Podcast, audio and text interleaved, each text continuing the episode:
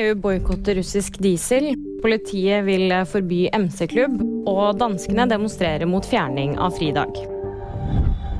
EUs boikott av russisk diesel har nå trådt i kraft. Fra og med søndag så boikotter de diesel og andre raffinerte produkter fra Russland.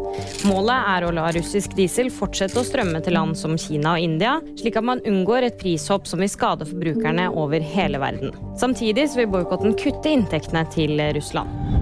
Politiet vil gå rettens vei for å forsøke å forby MC-klubben Satudara. Det skriver NRK. I 2021 så kom det en ny lov som åpner for at retten kan forby kriminelle gjenger, og det er denne loven politiet vil bruke. Men det krever at domstolen er enig i at klubben er en kriminell gjeng, og ikke en MC-klubb. Tusenvis av demonstranter samlet seg søndag i København for å protestere mot regjeringens plan om å fjerne en fridag. Det er store bededag, en dansk helligdag fjerde fredag etter påske, som står i fare for å bli fjernet.